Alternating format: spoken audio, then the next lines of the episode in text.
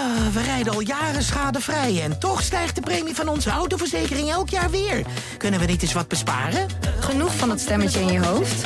Even Independeren. Daar word je altijd wijzer van. Vergelijk nu en bespaar. Welkom bij Independer. Dit is een podcast van De Ondernemer. Hoe haal je als ondernemer het meeste uit je mensen en je mogelijkheden? En welke rol kan connectiviteit daarbij spelen? In de podcastserie Unlimited Ondernemen van de ondernemer in samenwerking met T-Mobile bespreken we de uitkomsten van een poll over deze vragen die recent door de ondernemer is gehouden. Ik ben Thomas Hendricks en dit keer is mijn gast technologiefilosoof Martijn Aslander. We praten over een van de grootste uitdagingen van deze tijd. Hoe maak je je medewerkers slagvaardiger en hoe maak je daarbij slim gebruik van connectiviteit? De poll gaf ons dit keer antwoorden over het gebruik van sneltoetsen, over eigen software en het ogenschijnlijk eenvoudige als het opslaan van informatie. Nou, ik ben benieuwd. Welkom bij Unlimited Ondernemen. Dit is een podcast van De Ondernemer met Thomas Hendricks. Ik ben Martijn Afslander, ik ben technologiefilosoof en ik hou me bezig met de digitale fitheid van 5 miljoen scherm- en kenniswerkers. Dat zijn alle mensen die meer dan 4 uur per dag voor hun werk naar een scherm zitten te kijken en dat moet dringend anders. Martijn, welkom. Wat is, uh, wat is een technologiefilosoof? Nou ja, wat ik doe is door de lens van technologie naar sociaal-maatschappelijk-economische ontwikkelingen kijken. Want die, die werken, technologie werkt in alles op die thema's uh, in. En ik ben zeg maar, op individueel niveau diep gefascineerd door slagkracht. Dus hoe kun je technologie voor jou laten werken? Want dat was altijd de belofte, maar veel mensen ervaren dat niet zo. En dat onderzoeken en delen met, uh, met andere mensen vind ik een van de tofste dingen om te doen. En hoe doe je dat? Uh, ik schrijf daar blogs over, ook voor de ondernemer. Uh, ik uh, geef daar podcast over. Ik geef daar trainingen over, voorbeelden, masterclasses, hele campagnes. want ja, dit, dit, dit gaat me aan het hart. als je goed kijkt, dan zijn werkdruk, werkbelasting, werkplezier, werkgeluk, slagkracht, innovatie allemaal onderdeel van hetzelfde ding. We hebben eigenlijk nooit geleerd hoe we met informatie moeten omgaan. Dus het is 40 jaar lang heel veel geld geïnvesteerd in IT. Maar eigenlijk is al het geld naar de T van technologie en tools gegaan. Alleen we zijn de informatie vergeten. En daar zijn mensen de hele dag gefrustreerd over, druk mee. En dat is helemaal niet nodig. Dus heb je een boek geschreven. Ons werk is stuk. Nou, die, alleen die titel al, die, die intrigeert natuurlijk. Maar vertel eens, welk werk en wat is een stuk? Nou, wat we, wat, we hebben waargenomen. Ik had even tijdens coronatijd wat meer tijd om nog wat dieper in die materie te gaan. Ik had er nog een, een documentaire over gemaakt voor die tijd. Die heet Wat is kenniswerk? Kun je ook online vinden. Um, een gemiddelde scherm- en kenniswerker, dus dat is iedereen die meer dan vier uur per dag naar een scherm kijkt voor zijn werk, uh, is 240 uur per jaar kwijt met zoeken. Daarnaast is hij 40 dagen per jaar aan het compenseren van wat hij alweer vergeten is. En gehannes met de computer kost je tussen de 40 en de 400 uur per jaar. Gemiddeld. Nou, tel die drie getallen bij elkaar op en dit zou eigenlijk je enige issue in elke organisatie moeten zijn. Nou, nou zit dit domein bij grotere organisaties tussen HR en IT in. En ja, in de praktijk krijg je wel een laptop uh, van de zaak. En dan checken of, of de mailtjes aankomen en of internet het doet. En dan houdt het op. Maar hoe we om, om moeten gaan met die computer, met informatie. Ja, dat leggen ze je niet uit. En de software die wij verplicht moeten gebruiken van de baas. Is eigenlijk gebaseerd op het jaren 70 kantoorparadigma. Dus in de jaren 70 hadden we veel minder informatie. Eh, de snelheid van informatie was anders. En de informatiebehoefte was anders dan nu. En de software die we elke dag gebruiken. En of je nou Lotus nog steeds gebruikt. Of Google Docs en spreadsheets. Of, of Microsoft Office. Dat maakt niet zo heel veel uit. Maar die is inherent gebaseerd op documenten en beheerssystemen. Die horen bij het volume van de jaren 70. En dat gaat helemaal niet meer, want de hoeveelheid informatie en de snelheid ervan is zo enorm toegenomen. dat die tools niet meer volstaan. Dat voelen we wel, alleen hebben we er geen taal voor. En een van mijn ja, waar ik lol aan beleef, is daar taal voor uh, te verzinnen en alternatieven voor aan te dragen. Ik had laatst een discussie met iemand over onderwijs op school. En uh, die, die zegt, ja nee, ze moeten helemaal terug naar de oude meester die voor de klas staat. Of de juf die voor de klas staat. En ze moeten leren rekenen en ze moeten leren uh, schrijven en taal. En weten dat Londen de hoofdstad van Engeland is en niet van Frankrijk en zo. Maar digitalisering, nee joh, dat is helemaal niet nodig. Ja, dat ben ik voor een deel wel met hem eens. want we, we hebben zeker in het onderwijs hebben we natuurlijk woorden als 21st century skills, uh, digitale geletterdheid. Maar ja, de harde werkelijkheid is dat dit allemaal begint bij informatiegeletterdheid. Dus diegene die dat tegen jou zei, die had gelijk. We moeten beginnen bij snappen wat informatie is en waar je dat laat. En dat hebben we op de een of andere manier nooit geleerd. Ook de techneut die hier eh, bij ons in de studio zit niet. We hebben niet geleerd waar moeten we informatie opslaan, bewaren en snel terugvinden. Want wat heeft het voor zin om informatie op te slaan als je het niet snel kan vinden en kan toepassen? En, en, en die tools zijn daar een middel toe. Maar we hebben nooit nagedacht over informatie. En dat is een cruciale vraagstuk dan dat je op het oog zou zeggen. We hadden het over uh, um, ons werk een stuk. En um, het feit dat je zoveel uren en zoveel dagen kwijt bent aan eigenlijk werk dat, dat overbodig is. Ja. Als ik het even snel optelde, was dat ongeveer een kwartaal. Wat, kan je dat in, in cijfers uitdrukken? Ja, dat heb ik net gedaan. Ja, maar in bedragen, in geld? In geld, dat hangt van je uurtarief af. Maar, Ja. dit, dit, maar dit gaat over vele miljarden. Maar, maar dat is zeg maar als je in tijd zou kijken. Maar als je, aan, als je de frustratie, de ziektekosten, de uitval. Uh, zeker in een, in een arbeidsmarkt waarbij het lastig is om mensen te krijgen en vast te houden. Ja, als je die mensen heel erg vermoeit met meetings en managers. Ja, dan gaat het mis. Bedoel, we hebben het in Den Haag het internationaal strafhof. Maar ja, we moeten nog uitvogelen hoe we het verplicht gebruik van MS Teams kunnen aanmelden als een misdaad tegen de eh, mensheid. Want het is de grootste cognitieve aanslag die we doen op de werkvloer. Als mensen meer dan twee uur per dag verplicht moeten videobellen.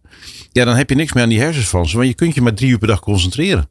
Ja, verdomd, dat is waar. Dat, dat herken ik zelf ook inderdaad. Ja. Ja. Nou, we hebben een poll gedaan bij de ondernemer. En eh, daar, daar kwamen wel wat interessante dingen uit. En dat is eigenlijk, eh, eigenlijk eh, gekoppeld aan jouw eh, missie om de slagkracht te verhogen op de werkvloer. En eigenlijk eh, eh, er opnieuw uit te vinden. Daar komt het eigenlijk bijna op neer. En we hebben een aantal vragen gesteld. van wat, wat zou je kunnen doen om de, de, de slagkracht te verhogen. Vooral ook als werkgever. En daarbij is een van de eerste is leer ze info, informatie beter op te slaan. En dan 20% is het daarmee eens.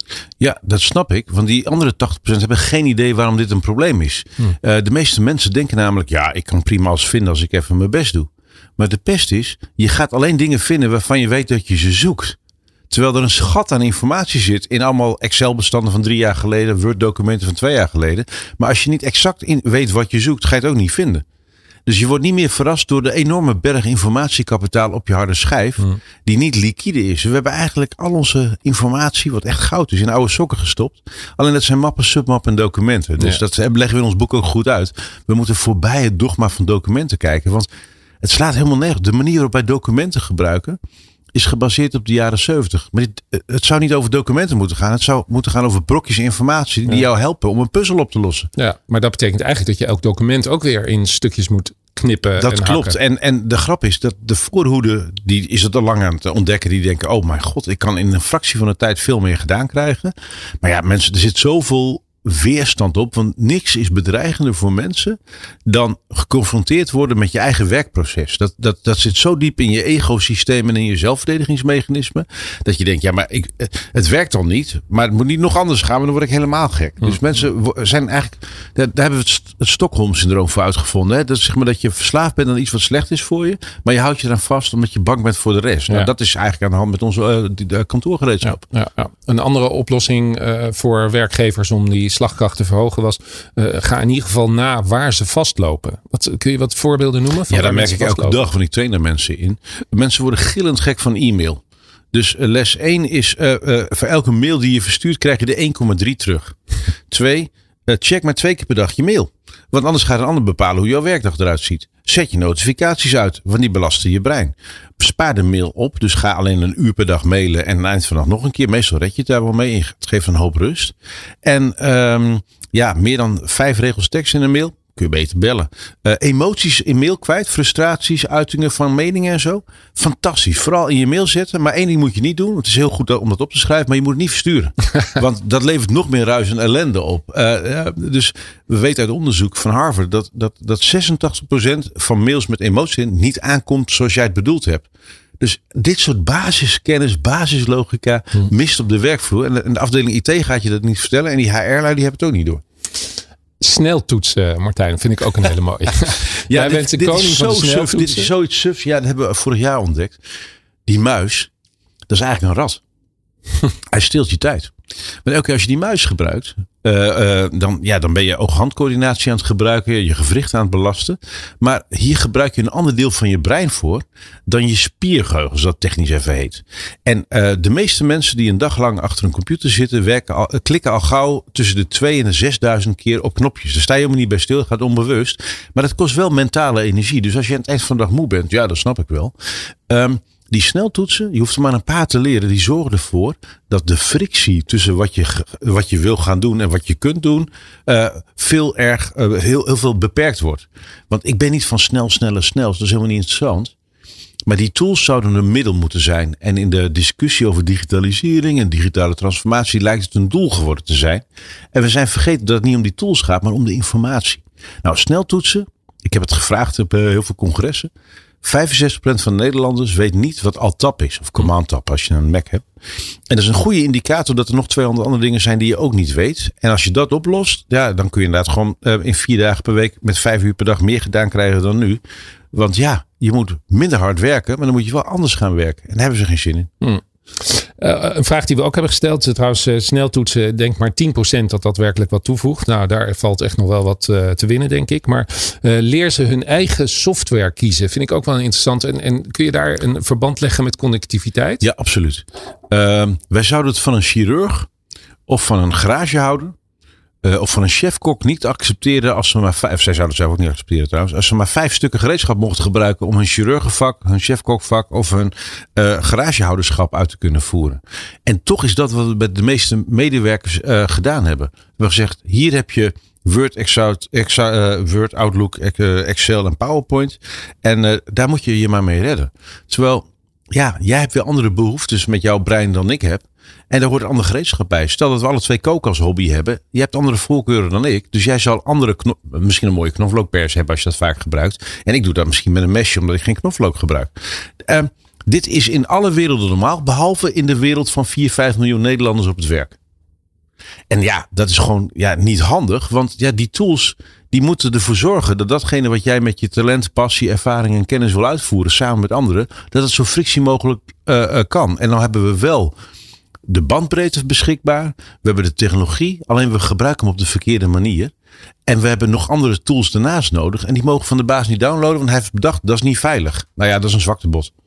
Helemaal eens. Helemaal eens. We hebben uh, gebeld met Egbert Kroon. Egbert heeft een, een uh, hoge functie bij T-Mobile en is vooral met B2B bezig en, en het ontwikkelen van nieuwe software. Um, en nieuwe toepassingen natuurlijk daarvan. En we hebben hem ook de vraag gesteld van welke rol speelt T-Mobile nou bij het verhogen van die slagkracht? En wat merk je daarvan als werkgever?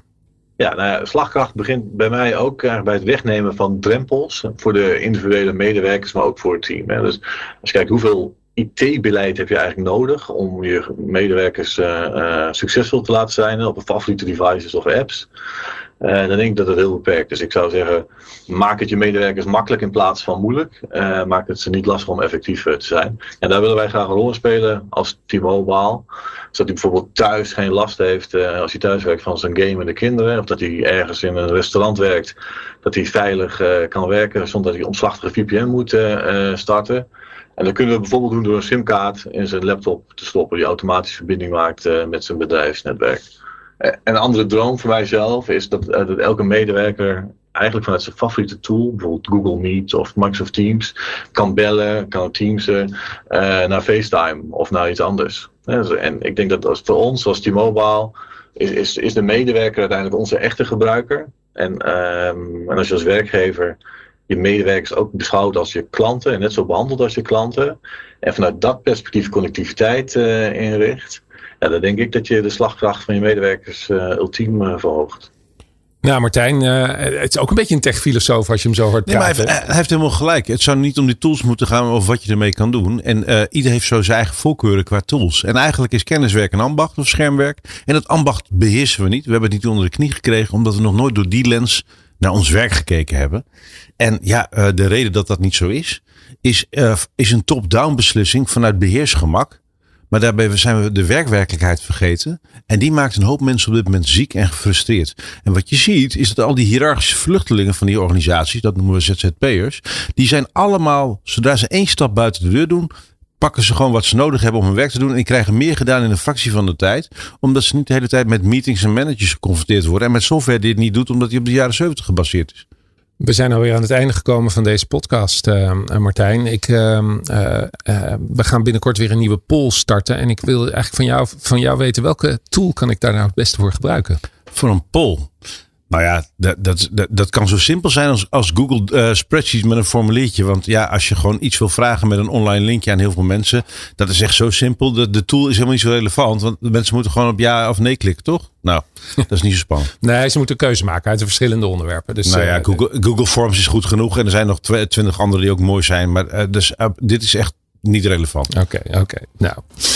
Dankjewel Martijn Aslander. Tot zover deze eerste aflevering van Unlimited Ondernemen. Wil je meer lezen over de filosofie van Martijn? Op deondernemer.nl kun je een artikel lezen en een whitepaper downloaden. De link vind je onder meer in het artikel bij deze podcast. Tot de volgende keer. Tot zover deze podcast van De Ondernemer. Ga voor meer podcasts naar deondernemer.nl. Dit is de gevreesde zoemer die na 60 seconden pitchen afgaat. Lukt het startende ondernemers om binnen deze tijd hun businessidee uit te leggen aan een vakkundige jury? Welkom op de stip. Ben je er klaar voor om jouw pitch te gaan geven? As ready as can be, ja. Ik ben er klaar voor. Denk het wel. Ik, Fabienne de Vries, neem jou mee in Droomstart. Die klok maakt je wel zenuwachtig. Een unieke podcastserie van de ondernemer... waarin we ambitieuze Nederlanders volgen... bij het starten van hun eigen onderneming. Ik kan me niet voorstellen dat iemand hier komt... ik ben beter dan Google. Maar wat ik wel weet, is dat zij het niet doen. En jij bent erbij. Vanaf die eerste spannende pitch... tot aan de meest cruciale momenten van hun weg naar succes. Ik heb nooit geleerd om te zeggen van... Uh, oh, ik ben het waard. Volg Droomstart in je favoriete podcast-app... en mis niets van dit unieke kijkje achter de schermen. Droomstart is een initiatief van de ondernemer en podcastbureau As We Speak. Um, past onze autoverzekering straks nog wel bij de nieuwe auto die we gaan kopen? Of kunnen we met overstappen flink besparen? Genoeg van het stemmetje in je hoofd? Even Independeren. Daar word je altijd wijzer van. Vergelijk nu en bespaar. Welkom bij Independer.